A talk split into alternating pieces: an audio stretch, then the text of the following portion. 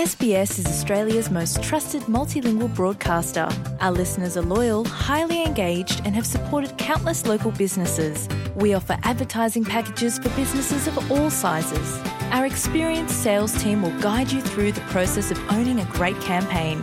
Bring your own ad or have our production team make you something in one of our 68 languages. Start the conversation with your new audience today. Email sales at sbs.com.au.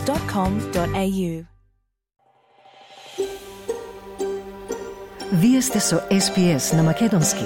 Слушнете повеќе прилози на sps.com.au козацрта Macedonian. SPS им одава признание на традиционалните собственици на земјата од која денеска емитуваме програмата на македонски јазик. Народот Wurundjeri Woi Wurrung, припадниците на нацијата Кулин и нивните минати и сегашни старешини. Добар ден, почитувани слушатели, и добре дојдовте на уште едно редовно издание на програмата на SPS на Македонски. Низ денешните содржини за понеделник, 31 јули, ке ве води Ана Коталеска. Еве што имаме за ова издание на SPS на Македонски. Повестите од земјава и странство следува извештајот од Македонија, во кој ќе слушнеме, меѓу другото, дека министрите на ДУИ подпишаа оставки од влада, кои ќе важат ако ВМРО ДПМН гласа za ústavní izmeny. Од локалните теми ќе слушнеме за состанокот на осмен помеѓу врвни представници од САД и Австралија, кои меѓу другото разговара и за иднината на основачот на Wikileaks, австралиецот Джулијан Асанж. А потоа ќе се осврнеме на поранешен инспиративен разговор со музичкиот виртуоз на народни инструменти Стефче Стојковски. Останете со нас, следуваат најновите вести и колешката Маргарита Василева. Маргарита Павели. Благодарам, Ана Во денешниот билтен, федералната влада ги уверува индонезиските власти дека извозот на австралиски животни е ослободен од смртоносната зараза лампи Skin Disease. Премиерот Антони Албанезе треба повторно да го воведе законот за фондот за домување Housing Australia Future Fund во парламентот неделава.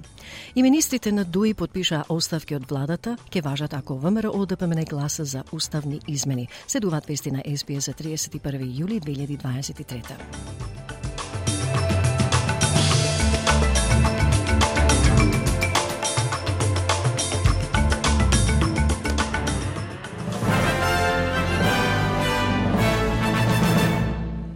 Федералната влада ги уверува индонезиските власти дека извозот на австралиски животни е ослободен од смртоносната зараза Lumpy Skin Disease.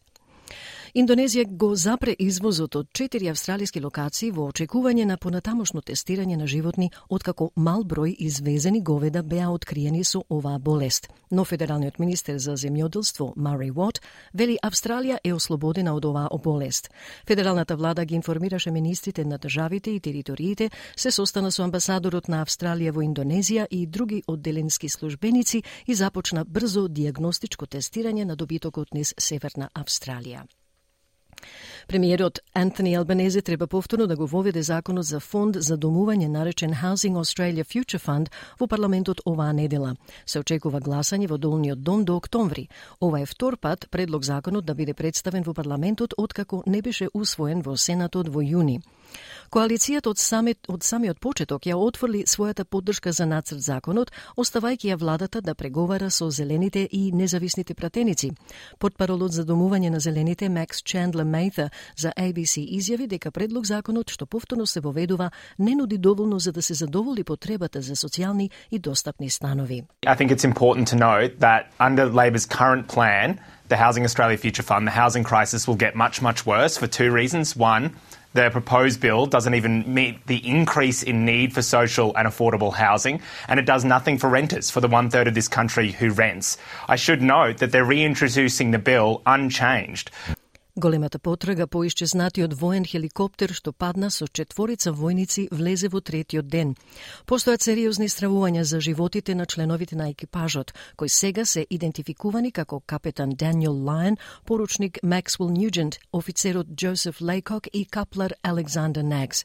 Тие беа на, хеликоп... на хеликоптерот Тайпан, кој кога се урна во водите во близина на островот Линдеман Айленд во Квинсленд во петокот на 28 јули. Некои остатоци од погодени Спасениот хеликоптер беа пронајдени во саботата, но главното тело на авионот допрва треба да биде пронајдено. Новиот извештај кој го испитува за остатокот од повеќе од 137.000 родителски апликации за виза го опиша системот како цитат нефункционален. Нарачан од фондацијата Scanlon Foundation, извештајот покажа дека периодот на чекање помеѓу 30 и 50 години значи дека веројатноста за успешна миграција е цитат практично непостоечка за многу апликанти. Авторот на извештајот Питер Мез вели дека бројот на мигранти треба да се зголеми или да се укине визата. Големиот преглед за миграција, предводен од поранешниот шеф на јавната служба Мартин Паркинсон, на почетокот од оваа година откри дека системот за миграција во Австралија генерално не е погоден за целта и препорача нов и поправеден пристап за визите за родители. Законодавството за зголемување на исплатата на лица кои бараат работа се очекува да биде воведено додека парламентот повторно е во сесија. Министерката за социјални услуги Аманда Ришворт веќе објави дека бенефицијата за невработеност ќе биде покачена за 40 долари на две недели почнувајќи од септември. Но за овие измени, односно промени, да станат на, да стапат на сила, нацрт законот за безбедност на лабористичката партија треба да помине во текот на оваа двонеделна седница. Касандра Голди од Австралискиот Совет за социјални услуги вели дека Групите за благосостојба се разочарани од нивото на зголемување, бидејќи се уште е далеку под она што беше препорачано од страна на Советодавниот комитет за економско вклучување на владата. Every dollar is welcome, but this won't get us where we need to be. Job seeker will still be a poverty payment um, despite um, this increase coming through in September. Неделата на исчезнати лица започна во обид да се подигне свеста за долгорочно исчезнатите лица и да се расветли траумата што ја доживеале блиските кои останале. Чувството на надеж и безнадежност што ги чувствуваат најблиските на исчезнатите е познато како загуба и се смета за еден од најтрауматичните видови на тага, а сепак има многу малку услуги за поддршка. За да се премости јазот, фондацијата The Mist Foundation сега започна бесплатен онлайн мастер клас за да им помогне на полицијата, социјалните работници и семејствата да се справат со тагата. Доктор Сера Уайленд, професор на Универзитетот на Нова Англија, го создаде и беше домакин на мастер класот. The challenge when someone is missing is that there's no possibility of sitting with or learning to accept that the loss has occurred.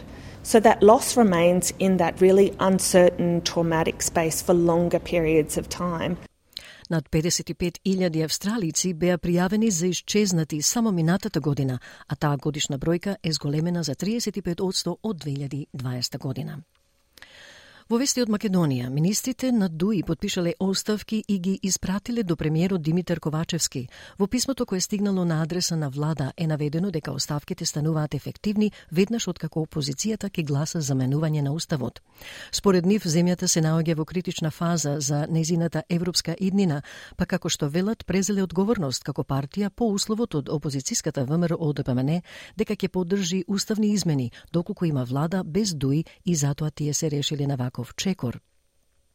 Писмото лидерот на интегративците Али Ахмети го прочита на настан со диаспората во Тетово, пренесе ТВ 21. Ние министрите и владините функционери од редовите на ДУИ понесуваме оставки од функциите што во моментов ги извршуваме.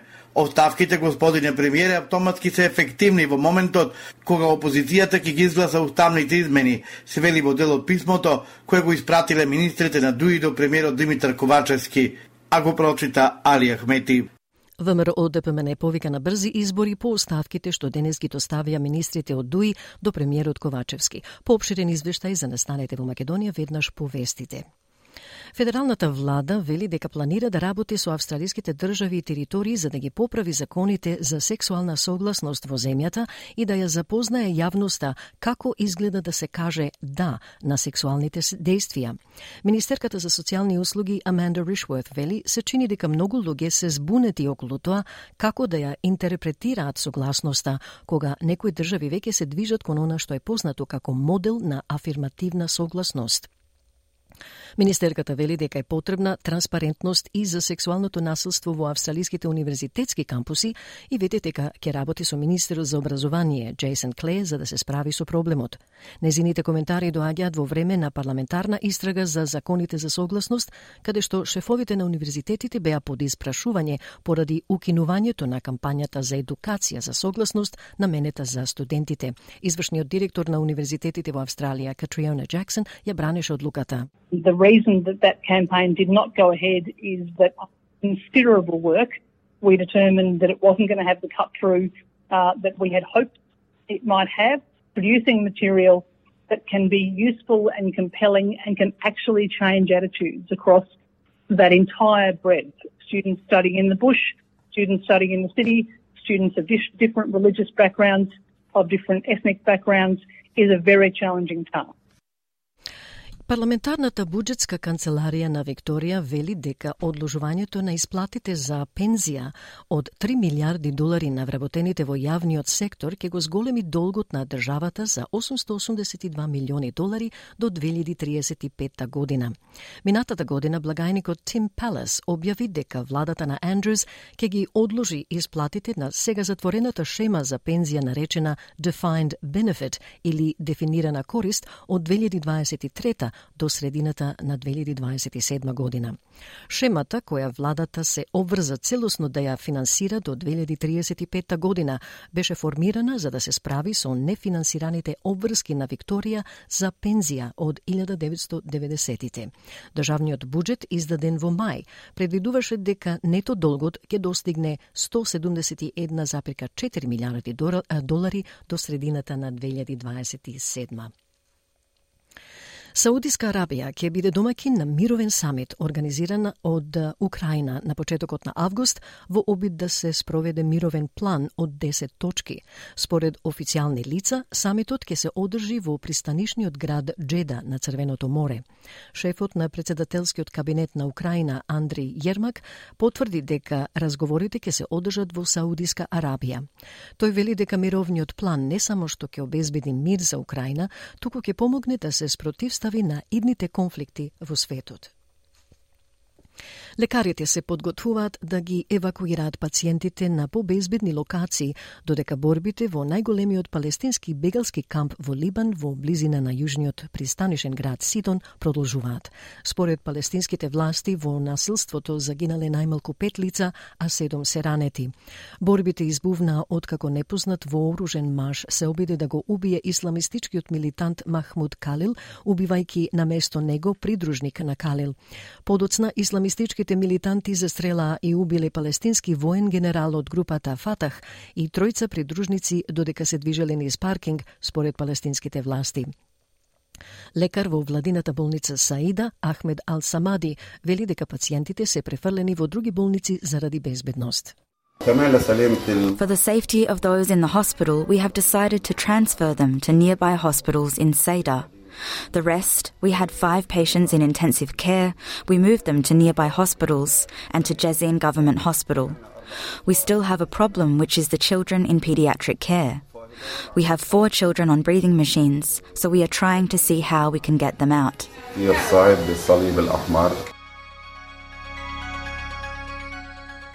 И од најновата курсна листа денеска еден австралиски долар се менува за 0,60 евра, за 0,66 американски долари и за 36,86 македонски денар, додека еден американски долар се менува за 55,47 македонски денари, а еврото за 61,09 македонски денари. И времето за утре, Перт сончево 22, Аделајд делумно облачно 17, за Мелбурн Облачно 16 степени, за Хобарт делумно облачно и 13. Камбера утринска слана, потоа сончево 17, Сиднеј сончево 21, Бризбен услови за дожд 25, во Дарвин сончево 33, Алис Спрингс исто сончево 23.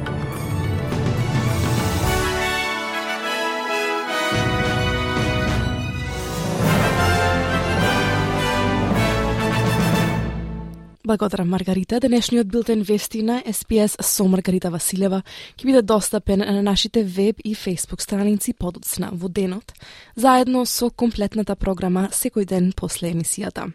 На СПС радио со вас до крајот на програмата останува Ана Коталеска.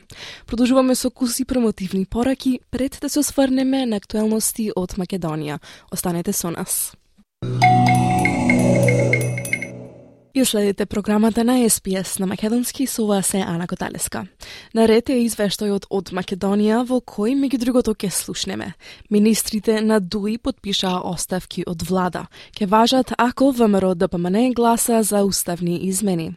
Од СДСМ со став дека со оставките ДУИ го става државниот предпартискиот интерес и дека на потек е Мицкоски. ВМРО ДПМН возврати оставките на ДУИ да бидат неотповикливи и ако се оди на брзи избори. Македонскиот амбасадор во Јапонија обвинет за сексуално вознемирување и треба итно да се врати во Скопје. И за прв пат во Македонија, автоматска порака испрати телефон по тешка собраќајна несреќа и возачот е спасен. Од Македонија денеска известува колегата Милчо Јовановски. Министрите на ДУИ подпишале оставки и ги испратиле до премиерот Димитар Ковачевски. Во до кое стигнало на адреса на владата е наведено дека оставките стануваат ефективни, веднаш откако опозицијата ќе гласа за менување на уставот. Според нив земјава се наоѓа во критична фаза за нејзината европска иднина, па како што велат, презеле одговорност како партија по условот од опозицијската ВМРО ДПМН дека ќе ги поддржи уставните измени доколку има влада без дуи и затоа тие се решиле на ваков чекор. Писмото лидерот на интегративците Али Ахмети го прочитал на настанот со диаспората во Тетово, пренесе ТВ21. Ние министрите и владините функционери од редовите на ДУИ понесуваме оставки од функциите што во моментов ги извршуваме Оставките, господине премиере, автоматски се ефективни во моментот кога опозицијата ќе ги изгласа уставните измени, се вели во дел од писмото кое го испратиле министрите на ДУИ до премиерот Димитар Ковачевски, а го прочита Али Ахмети. ВМРО ДПМН е повика на брзи избори по оставките што ги доставија министрите од ДУИ до премиерот Ковачевски. Во сообщението се вели Добро е што дуи по 20 години власт е подготвена да замине во опозиција, откаде ќе може да одговара за криминалот и да ја докажува својата невиност. Откако Дуи го направи првиот чекор, си поднесоа оставки, сега само тие да бидат неотповикливи и да одиме на брзи избори, бидејќи се друго е од одговлекување и играње играчки на грбо на државата и нината на граѓаните се вели во коментарот на ВМРО ДПМН. Преку сообщение согласија од СДСМ и потенцираа дека сите услови на опозицијата се исполнети и дека сега од нив зависи дали ќе продолжи процесот на евроинтеграција или пак изолација. Цитирам со одлуките на Централниот одбор на СДСМ, како и со ова одлука на ДУИ, сите услови кои ги поставуваше Мицкоски за ДПМН да поддржи уставни измени се исполнети, вклучително и влада без ДУИ. Големите државнички одлуки бараат државнички квалитет и одговорност. На потек е Христијан Митковски да покаже и докаже дали има државнички капацитет, дали му е важна европската иднина на земјата или само својата фотелја во Белата палата. Мицковски треба да донесе одлука пратениците на ДПМН да дадат поддршка за уставните измени и продолжување на европскиот пад. Мицковски мора да донесе одлука и да преземе одговорност глас за ЕУ или изолација, соопшти од СДСМ. Ден предходно министерот на надворешни работи Бујар Османи кажа дека уште 8 пратеници се потребни за 80 гласа за уставни измени, додавајќи дека се прави пропаганда за уставните измени, а истакна дека преговарачката рамка е гаранција дека нема да има нови барања од Бугарија. Груп, број на пратеници некаде околу 8. Гаранциите се во преговарачката рамка. Преговарачката рамка која што ја имаат изгласано 27 земји членки во преговарачката рамка, во ниту едно поглавие, во ниту една одредница за отварање на било кое од 35 поглавија е договорот со Бугарија или протоколот со Бугарија. Во ниту едно од поглавијата. Првиот дипломат посочи дека во однос на Бугарија, Министерството реагирало по каналот за говор на омраза до бугарските колеги за имитување бугарска песна со исклучително навредлива содржина за македонскиот народ и држава. Експертските групи на двете министерства одржале состанок во насока на затоплување на односите, а за инцидентите од фудбалскиот напревар Шкупи Левски османи со став дека спортското хулиганство не треба да се политизира, што негативно влијае на односите меѓу Скопје и Софија. Лидерот на опозицијата Мицковски продолжува со штетните политики во државните и националните интереси. Македонската агенда европска, европската агенда и македонска велат од СДСМ. Поред партијата во 32 години независност, Мицковски единствениот политичар кој упорно тврди дека европската агенда не е иста со македонската агенда, што за социјалдемократите е показател дека тој има некаков друг план во на интеграцијата на државата. Подпоролката Богдан Какузевска на преси изјави. Христијан Мицкоски почитувани совршено добро знае дека за продолжување на европскиот пат на државата потребно е усвојување на уставните измени, кои се дел од преговарачка рамка, усогласена меѓу 27 земји членки на Европската Унија и прифатена од Македонското собрание од политичари од различни политички партии. Пратеникот Далко Каевски информираше дека СДСМ ја поднесе декларацијата за Илинден во собранието за негово истакнување како најголем македонски државен празник оддавајќи почит на пожртвуваноста на борците за слобода и демократија, наша должност е постојано да го искажуваме нашиот воскит и почит кон сите оние кои ги дале своите животи за слобода, испрекајќи со тоа силна порака за заедништво, рамноправност и демократија. Сето ова е содржано во декларацијата што ја поднесовме до собранието, истакна подпарол на СДСМ. Тој очекува оваа декларација наскоро се најде пред пратениците и ги повика секој пратеник без разлика од која партија доаѓа, истата да ја поддржи и таа да биде усвоена од Македонското собрание. СДСМ најави дека ќе достава декларација во собранието, откако бугарски парламентарни партии ово востание го декларира како бугарско. Ковачевски уставните измени ги турка насила и покрај тоа што над 80% од македонските граѓани се против отворање на уставот под бугарски диктат, возвратија од ВМРО ДПМН двотретинско мнозинство немаат. Ги повикуваме да се ги скратат маките и да ги стават предлог измените на гласање. Тука нека заврши нивната агонија, а потоа на избори граѓаните нека одлучат чиј концепт ќе го поддржат, стои во реакцијата. Опозицијската партија прво ќе анализира декларацијата за Илинден и доколку нема штети по националните интереси, ќе ја поддржат, изјави Марија Митева, подпарол на ВМРО ДПМНЕ. Она што зачудува е фактот што никој досега го нема видено текстот на оваа помпезно најавувана декларација и тоа само потврдува дека СДС се плашат од самиот текст кој што тие го напишале. Горан Цеков, македонски амбасадор во Јапонија, доби пет дена итно да се врати во Скопје поради секс скандал, утврден од страна на дисциплинска комисија при Министерството за разборешни работи. Од кабинетот на председател на државата за медиумите ја потврдуваат одлуката во пак на поведената процедура за негово предвремено отповикување, како и за причините за истата од кабинетот упатуваат кон Министерството за надворешни работи. Инаку медиумите пишуваат дека тој бил пријавен од две жени кои соработувале со него во амбасадата во Токио. Поплаки за мобинг и сексуално вознемирување биле понесени од македонска дипломатка и од јапонска државјанка, која привремено работела на културни проекти во македонската амбасада. Амбасадорот Горан Цеков од 1996 е кариерен дипломат во Министерството за надворешни работи. Бил на служба во мисијата при НАТО во Брисел од 2003 до 2007, од 2010 до 2014 во амбасадата во Осло, Норвешка, а во 2019 беше веде шеф на мисијата во НАТО во Брисел. За прв во Македонија мобилен телефон испрати на порака за спасување, откако возач направил сообраќајна несреќа и излезал од патот на бесплатниот единствен европски број 112. Пристигнала автоматска порака за спасување на англиски јазик. Во пораката содржало и GPS координати, поведнаш бил и лоциран, а позотна и со друга пријава во МВР, несреќата била потврдена, а по интервенцијата на службите возачот е спасен. Предходно од МВР е добиена официјална потврда дека повикот е вистинит и дека се случила сообраќајна незгода на магистралниот пат Велес Штип и дека во излетаниот автомобил има повредено и заглавено лице. Екипа од итна медицинска помош го однела во болница во Велес, а потоа најверојатно заради сериозноста на повредите е пренесено во хируршките клиники во Скопје. 112 единствен европски број на кој може да добиете полиција, пожарна, брза помош или центар за управување со кризи.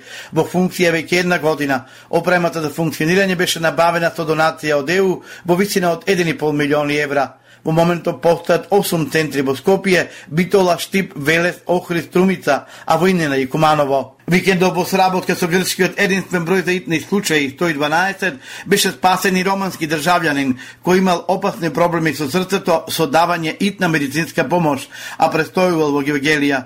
Конкретно неговиот побег за помош, најверојатно заради близината на границата, прво бил применот број 112 на базна станица во Грција, но бидејќи сите држави кои што ги имаат европскиот единствен број за итни случаи, што работуваат и се во контакт меѓу себе, колегите од грчката служба веднаш оствариле контакт со македонската служба 112 во Центарот за управување со кризи. Веднаш согласно оперативните процедури е координирана акцијата за интервенција на итна медицинска помош од Георгелија и романскиот граѓанин е спасен со итно давање медицинска помош. Во Македонија високите температури предизвикаа пожари на отворено. Викендот избумнаа два големи пожари кај Неготино и во Демир Хаписко. За среќа тие се изгаснати, информираат од МВР. Центарот за управување со кризи, согласно информациите за пожари на отворено, известува дека во последното денонокие имало 17 пожари, Скопско 6, Неготинско 1, Демиркаписко 1, Битолско 1, Струмичко 1, Охридско 1, Струшко 2, Кочанско 1 и Кумановско 3 пожари.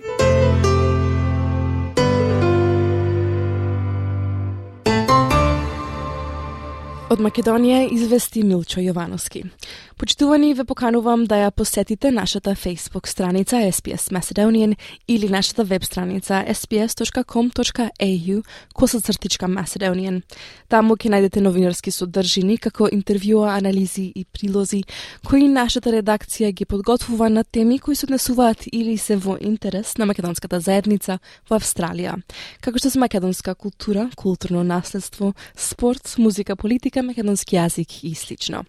Останете со програмата на SPS на Македонски. Продолжуваме со куси промотивни пораки пред да се осврнеме на актуелности од светот и земјава.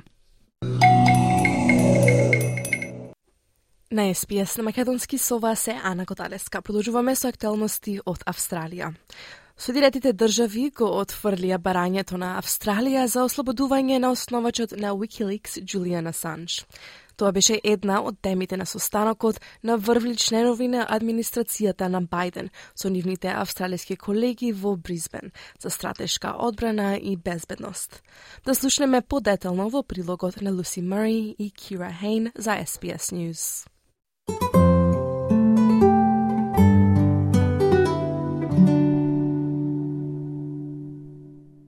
Министерот за одбрана Ричард Марлс и министерката за надворешни работи Пени Вонг се состанаа со нивните колеги од Соединетите држави во Бризбен, каде најавија нови иницијативи за преоблекување на одбранбените сили на Австралија. Австралиците заедно со државниот секретар на САД Антони Блинкен и секретарот за одбрана Лојд Остен ги потврдија цврстите врски меѓу двете земји за време на министерските консултации Австралија-САД, односно состанокот на Осмен. Но сојузниците не се согласија за сите прашања, особено за иднината на основачот на Wikileaks, Julian Assange, кој се наоѓа во притвор. Министерката за надворешни работи Пени Вонг рече дека австралиската влада сака проблемот да се реши. We have made clear our view uh, that Mr. Assange's case has dragged on for too long and uh, our desire that it be brought to a conclusion. And we've said that publicly, and you would anticipate that that reflects also the position we articulate in private. Uh, I've also said that obviously that we, we do what we can, government to government, but there are limits until Mr Assange's legal processes have concluded. Асанж се соочува со екстрадација од Обединетото кралство во Соединетите држави, поради објавувањето на доверливи документи пред повеќе од една деценија. Од самиот почеток на мандатот на владата на Албанезе, нејзини представници ги повикуваат САД да стават крај на гонењето на 52 годишниот маж. Но државниот секретар на САД Антони Блинкен се спротистави на повиците, бидејќи, како што рече, неговите активности ризикувале сериозна штета на државната безбедност на САД.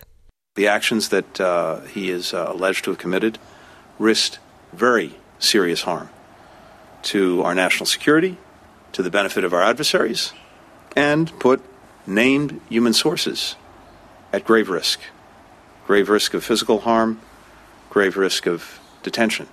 So I say that only because just as we understand sensitivities here, it's important that our friends understand sensitivities in the United States. Двете земји сепак склучија неколку договори на состанокот на Осмен, вклучително и поголемо присуство на САД во Северна Австралија, надградба на воздушни бази, поголема соработка во Вселената и нова домашна индустрија, производство на ракети. Секретарот за одбрана на САД Лојд Остен вели дека успехот во сите овие области зависи од значителна технолошка напредност. A commitment to help Australia produce guided multiple launch rocket systems, or GIMLRS, by 2025. And we're racing to accelerate Australia's access to priority munitions through a streamlined acquisition process. We're also thrilled to announce that we're taking steps to enable Australia to maintain, repair, and overhaul critical U.S. US source munitions. Иницијативите се дел од планот за преобликување на одбранбените сили на Австралија, како одговор на зголеменото влијание на Кина низ регионот и неизината зголемена воена модернизација. Двете страни го потврдија своето силно противење на, како што ги опиша, дестабилизирачките акции во Јужното Кинеско море, милитаризацијата на Кина на спорните острови и гребени и небезбедното однесување на незините бродови и авиони. Државниот секретар на Соединетите држави Антони Блинкен вели дека сојузниците се фокусирани на безбедноста на Тајван. The absolute imperative of working to maintain the status quo when it comes to Taiwan and making sure that no one engages in actions unilaterally that could disrupt that, that status quo. That's what all of us are, are focused on. На состанокот беа склучени и дипломатски договори фокусирани на Пацификот и задржување на островските држави како сојузници. Министерката за надворешни работи на Австралија, Пени Вонг, вели дека двете земји постигнаа значителен напредок, вклучително и кога станува збор за хуманитарната помош. We'll be signing an MOU that sees USAID and DFAT work together to pre-position humanitarian supplies both here in Brisbane and also in Papua New Guinea to enable more effective humanitarian responses in the regions. That was actually announced by the leaders in May. And we're already signing legal documents. Договорот на ОКЕС исто така беше една од темите на состанокот. Двајцата високи членови на администрацијата на Бајден ги уверија нивните австралиски колеги дека нуклеарни подмор... нуклеарните подморници ќе бидат испорачени до 2050 година и покрај стравување дека Конгресот може да го блокира договорот постојат планови за подолги посети на нуклеарни подморници на САД на Австралија пред распоредувањето на американски и британски бродови во Западна Австралија од 2027 година. А сега да се осврнеме на уште една актуелна тема. Здравствените експерти ги предупредуваат луѓето да внимаваат на симптоми на инвазивната менингококна инфекција. Предупредувањата доаѓаат по зголемување на случаите во Австралија за 49 одсто во првата половина од годинава, во споредба со истиот период минатата година. Следува извештајот на Кира Хейн за SPS News со повеќе детали.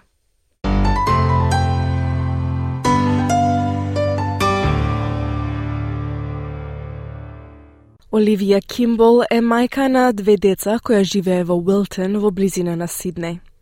На незиниот син Оскар првпат му била диагностицирана инвазивна менингококна болест кога тој имал 10 месеци.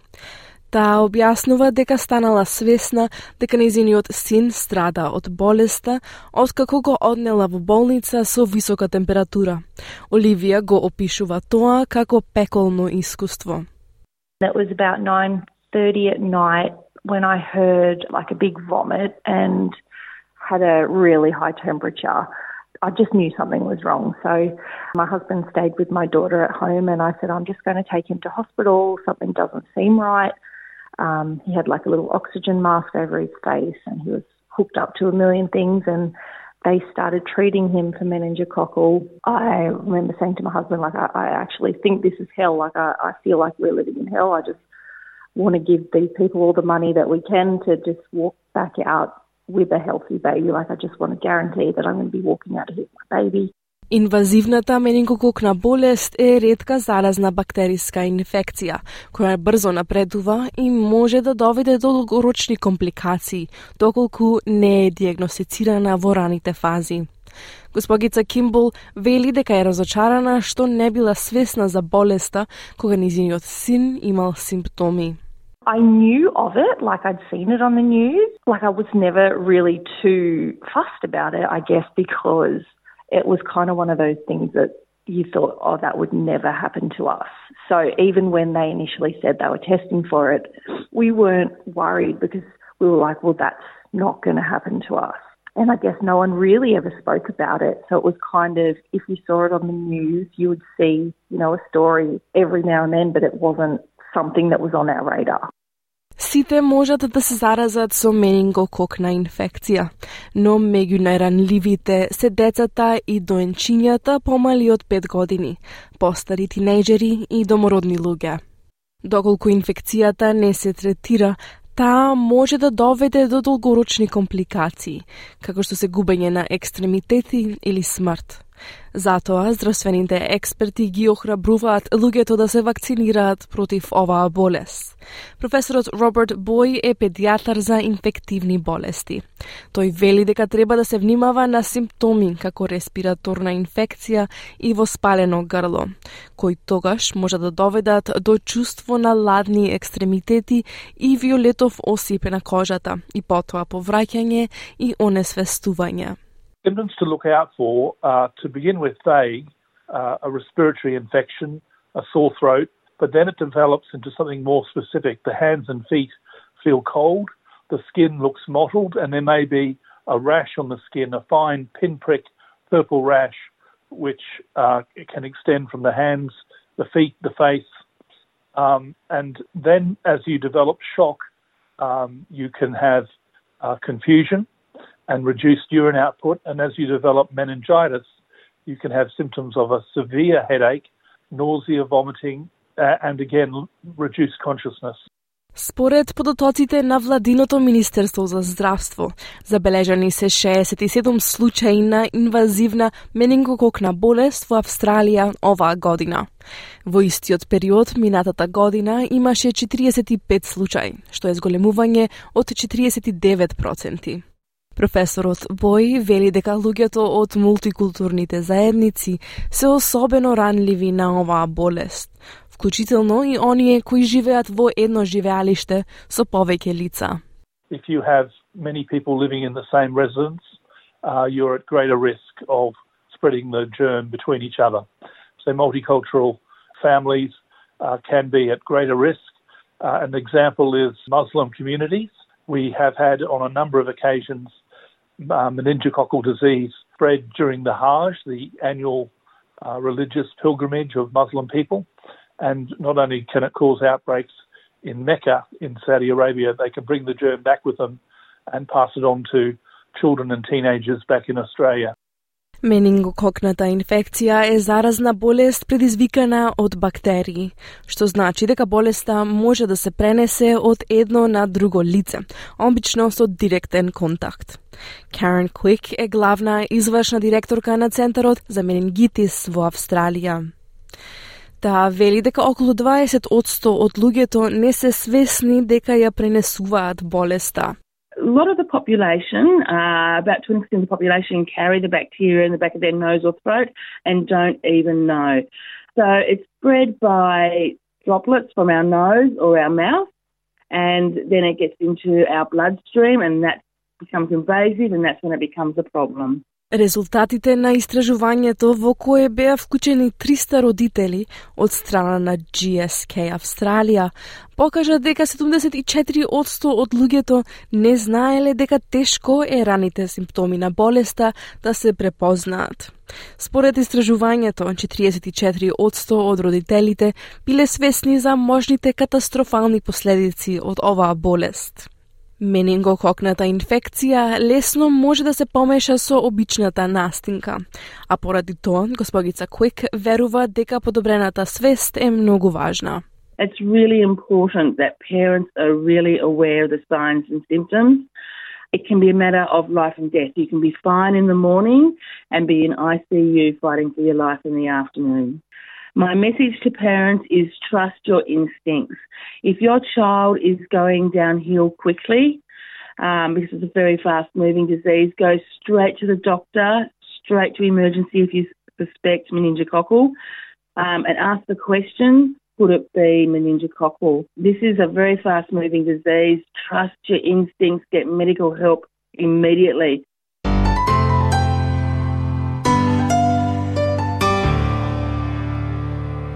Почитувани, останете со нас. Продолжуваме со куси промотивни пораки, а потоа следува разговорот со легендарниот Стефче Стојковски, виртуоз на народни дувачки инструменти, кавал, гајда, шупелка, зурла и дудук. Ја следите програмата на СПС на Македонски. Во продолжение имаме еден безвременски инспиративен разговор со господинот Стефче Стојковски, виртуоз на народни дувачки инструменти, кавал, гајда, шупелка, зурла и дудук, со кого разговараше колегата Васе Коцев. Доколку не сте слушнале за дудук, дудукот е инструмент со двојна пифла од трска. Има античко потекло и постоел од петтиот век. Меѓутоа, ерменските научници веруваат дека дудукот постоел до 1500 години пред тоа. Најраните инструменти на сегашната форма на дудук се направени од коска или целосно од трска, но денес дудукот се прави од старо дрво од кајсија. За разлика од другите инструменти со двојна пифла, трската е широка, што на дудукот му го дава уникатниот тажен звук, како и извонредните барања за дишење. Изведувачите користат воздух складиран во нивните образи, за да продолжат да свират на инструментот без прекин, додека во исто време вдишуваат воздух во белите дробови. Ова се вика кружна техника на дишење, односно circular breathing, и најчесто се користи со сите инструменти со двојна пифла на Блисиот Исток и се практикува и при свирење на зурлата. Затоа, често ги гледаме зурајджиите со надуени образи. А тоа мора да значи и дека имаат силни мускули на образите. Проследете го разговорот на Васе Коцев со познатиот македонски виртуоз на народни инструменти Стевче Стојковски во наредните минути. Господине Стојковски, публиката може да ве види како свирите на повеќе музички инструменти. На колку се инструменти свират? Па јас свирам на скоро сите изворни инструменти. Јас би ги набрал само на кратко ајде еве изворните инструменти, почнувајќи од кавалот како мој прв инструмент – потоа гајдата, шупилката, дудукот, двојницата, тука е зурлата од дувачките инструменти, потоа тамбурата, тука е кемането, тука е тапанот и другите изворни инструменти македонски. Така да од најрано детство, од моји некаде 7 години, од моји 6 години некаде почна да се занимавам со свирење на изворни инструменти покрај мојот татко и мојот дедо, кој што во тоа време нели дедо ми свирало дете, а татко ми на малку повозрастни години почнал да свири и покрај нив нели јас научи да свирам.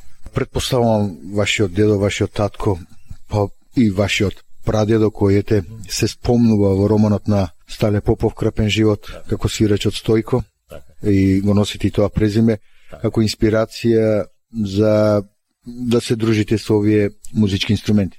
Свирењето на изворни музички инструменти, македонски пред сега кавалот и така натаму, представуваат една традиција во моето семејство и како што кажавте од а, мојот прадедо како запис е запишано, можно и пред тоа, да се пренесувала таа традиција од колено на колено, од генерација на генерација, така да јас ја наследив таа традиција, да кажем и тоа дека и мојот дедо и мојот татко беа доктори по професија, татко беше примариус, специјалист по трудомедицина, покојни се нели едниот и другиот, сега за жал, луѓе со едно голема визија, луѓе со едно големо искуство животно, луѓе со визија кои што ме учеа од дете да, да, да знам што е наша традиција, што е наша култура.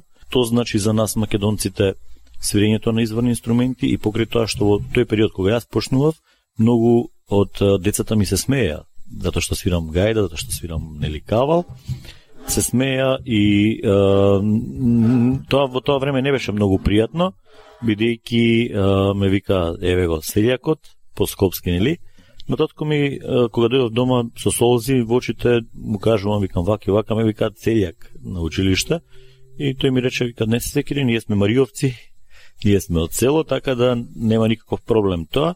Но истите тие што во тоа време се смееа, дојде периодот кога Македонија стана, да кажеме, самостојна држава, кога истите тие што се смееа дојдоа кај мене да учат изворни инструменти. Така да сметам дека тоа е а, суштината, битието на нашето постоење како македонци, традицијата, песната, орото, црквата, се тие а, битни битни фактори за нашето битие, за нашето постоење, за нашиот идентитет. Е сега, како ви беше подоцна, како, ете, да се издрзам вака слободно, најпознато селанче во Македонија, кога на 7 години веќе го имавте и првиот настап, а на 9 веќе имавте и првата снимка? Точно така, на 7 годишна возраст бев учесник на фестивалот кој што се одржуваше во Долнени, Републичкиот фестивал за народни инструменти и песни. Тоа беше фестивалот, Долненскиот фестивал, републички фестивал на кој што во тоа време многу малку млади луѓе свираа. Тоа беше иницијалната моја каписла, да кажем, иниција, иницијативата да јас проложам со свирење на овие инструменти, бидејќи освоив прво место на тој фестивал на Кавал и бев прогласен за најмлад учесник. И од тогаш, значи, почнуваат а, моите, да кажеме, дружби со музиката, дружби со инструментите, за веднаш потоа да со многу вежбање, со многу труд, со многу работа, да на моја некаде 8-9 годишна возраст ги направам првите снимки во македонската радиотелевизија со оркестарот од изворни инструменти. А, тогаш беше Југославија се уште и одеше некоја програма м, размена меѓу радијата, значи детски програми кои што се разменуваат со другите републики. И почна да ми се јавуваат од цела тогашна Југославија, деца, бев доста популарен како млад и можам да кажам дека некаде на 11 годишна возраст јас од моје трето трето деление, тоа е 10 годишна, 11 годишна, ја поминав цела Југославија. Од Словенија, од Хрватска настапи, од Босна, од Србија, Црна Гора, значи цела Југославија на некој начин бидејќи бев мал и интересен со носија и кавалот беше во тоа во тој период поголем од мене. Бев многу интересен како мало дете, нели Титов пионер во тоа време, да, во тоа време Титов пионер. Со нели марамица едно со друго настапувавме, а како таков, како интересно дете, настапив 84 година, значи на веќе на 12 годишна возраст на Олимпијадата во Сараево. Ке се навратиме на тоа подосна на овие настапи на Олимпијадата во Сараево, но mm -hmm. и на она во Лондон кога настапивте. Спомнавте дека се дружите од мало дете со кавалот. Имам податок дека кавалот на кој свирите е доста стар. Не го знам точно бројот на годините. Колку е стар вашиот кавал на кој свири? Фака сега, јас свирам на кавал кавали изработени од јасен, но тој кавалот може да се изработи од слива и од други дрва. Тој кавал што го имаме како наследство, значи, од кој што се пренесувал од генерација на генерација е повеќе од 300 години стар. Доаѓа од Институтот за фолклор да го сликаат кавалот, да го тоа е еден реалитет, тоа е едно како се вика археолошко благо на некој начин, кој што се наоѓа во нашата или во мојата да кажеме домашна музејска архива, бидејќи покрај кавалот јас ја имам и тамбурата на на дедостале таткому, од дедостале таткому, која што има повеќе од стотина и кусур години стара тамбура, многу интересно тоа дека попот, нели, да тоа е стале попов, татко му бил нели поп и попчето си свирало на таа тамбура која што дојде да кажеме во нашиот така музеј како музејски експонат. Кавалот не го знаел ниту дедо ми каде се наоѓа, ниту е, неговиот татко, бидејќи ако го знаел татко му ќе му го дал на ќе му го дал на синот, но кога старата куќа се рушела во селото на таванот горе, во Витолиште ја нашле фотролата која што била руинирана целата и кавалот искршен. Така да тој кавал го наоѓа дедоми и така останува во наше наследство. Значи, тој е кавал кој што генерациите пред тоа свирале и кавалот е соочуван благодарение на тоа што бил мачкан, дали со овча маст, дали со некоја друга маст и не не успеале црви да го изадат или молци или така. Така да тоа е една, една еден музејски експонат кој што повторно ќе кажам благодарение на, на тоа што е пронеден, останува во нематеријално духовно наследство на некој начин. Значи имате чест да свирите на уникатни инструменти, го спомнавте кавалот, исто така и тамбурата, меѓутоа имавте чести да соработувате со еден од најпознатиот гајдаџија, Пеце Атанасовски. Точно така, значи, мои директни учители се мојот татко и мојот дедо, а индиректни се, како што кажавте, многу луѓе ни села Македонија, но, но најпознат и најпризнат и најпопуларен во, во до, до, до ден денес беше Чишко Пеца Танасовски, кој што остави а, бројни материјали, бројни записи, музички материјали кои што се наоѓаат во фонотеката и благодарение на радио Скопје во тоа време јас многу слушав музика и на индиректен начин јас ги учев неговите ора. Така да тој е мојот, да кажеме, еден од првите признати учители. И тоа ми представува посебна чест, задоволство уште поголемо и на некој начин сум благодарен за сето тоа што тој го оставил за, за нас и за идните наши генерации, како што ние денес ќе оставиме за нели генерациите после нас. Јас 90-та година дојдов на негово место во оркестарот од народни инструменти. Во текот на вашата кариера имате бројни настапи. Рековме на почетокот уште на 7 годишна возраст после вашиот прв настап и потоа се редат безброј. Набројте ни некои од позначајните, спомнавме на почетокот дека веќе на како тинеџер сте настапувале и на зимската олимпијада што се одржа во Сараево. Слично беше и со олимпијадата во последната олимпијада во Лондон, каде добивте покана заедно со група балкански уметници да да бидете дел од таа олимпијада. Да, како представници на балканските западниот Балкан, нели, настапивме 10 држави и од секоја држава имаше по еден поединец од Sirius Production. Јас прво добив еден мејл кој што мислев дека е джанк мејл. недел или две добив уште на истиот мејл го добив и викам ајде ќе одговорам. Многу сериозна една агенција која што ме пронашла на YouTube преку интернет и така и беше заинтересирана да направиме нели еден проект. Во Лондон имаше поставени пет бини во форма на кругови кои што ги символизира нели круговите од олимпијадата. На тие бини ги представуваат континентите тие кругови, нели на олимпиското знаме ги гледаме. Тоа се петте континенти и од на сите тие пет бини настапува музичари од тие пет континенти. Е сега различно беа поделени, ние настапиме на Трефалгер сквер во строгиот центар во Лондон, каде што настапивме може би имаше не знам повеќе од 40-50 илјади публика која што стоеше, која што гледаше, гледаше нашиот настап. За наша среќа како македонци јас успеав да издействувам четири наши numeri на тој концерт. Значи четири македонски numeri кои што од Јовано Јованке, македонско девојче и така натаму има на YouTube некои снимки ставени. Се презентираат значи со зурли, со гајди, со кавали, со тамбурата и со другите изворни инструменти и на вистина бев во носија облечен, што исто така беше нели предизвик и презентација на, на македонската носија култура. Чувството е навистина прекрасно да се учествува на едни такви настапи, но не само Лондон, не само еве Европа и на други места ширум светот, еве би ги набрал позначајните тука во Австралија. Имам настапувано, имам настапувано во Кореја, во Јапонија, во Советскиот сојуз и во Русија, еве да кажеме во Москва свиревме пред Путин и пред uh, Алексеј митрополитот Алексеј. Тоа е исто така еден настан кој што ќе ми остане секогаш во сеќавање. Потоа имам настапувано во Јужна Америка, во Бразил, имам настапувано во Канада и во Соединетите Американски држави, така да само во Африка останува уште да, да настапувам.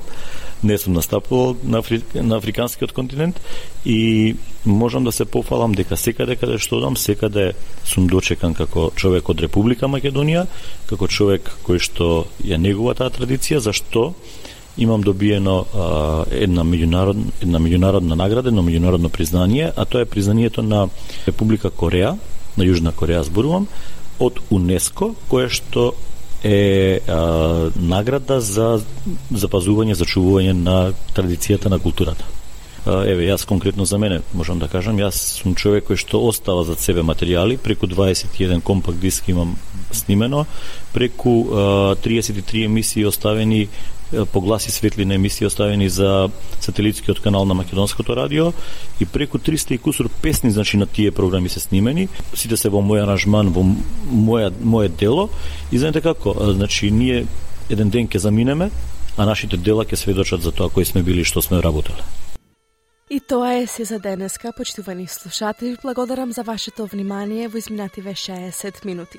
Ве и утре напладне, а во меѓувреме за избор прилози разговори, посетете на sbs.com.au коса цртичка Macedonian и на нашата Facebook страница sps Macedonian. Од Ана Коталеска, пријатно попладне. Сакате ли да чуете повеќе прилози како овој? Слушате подкаст преку Apple Podcasts, Google Podcasts, Spotify или од каде и да ги добивате вашите подкасти.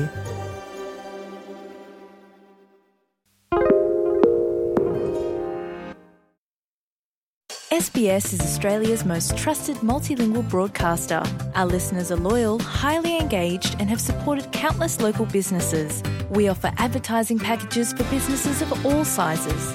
Our experienced sales team will guide you through the process of owning a great campaign. Bring your own ad or have our production team make you something in one of our 68 languages. Start the conversation with your new audience today. Email sales at sbs.com.au.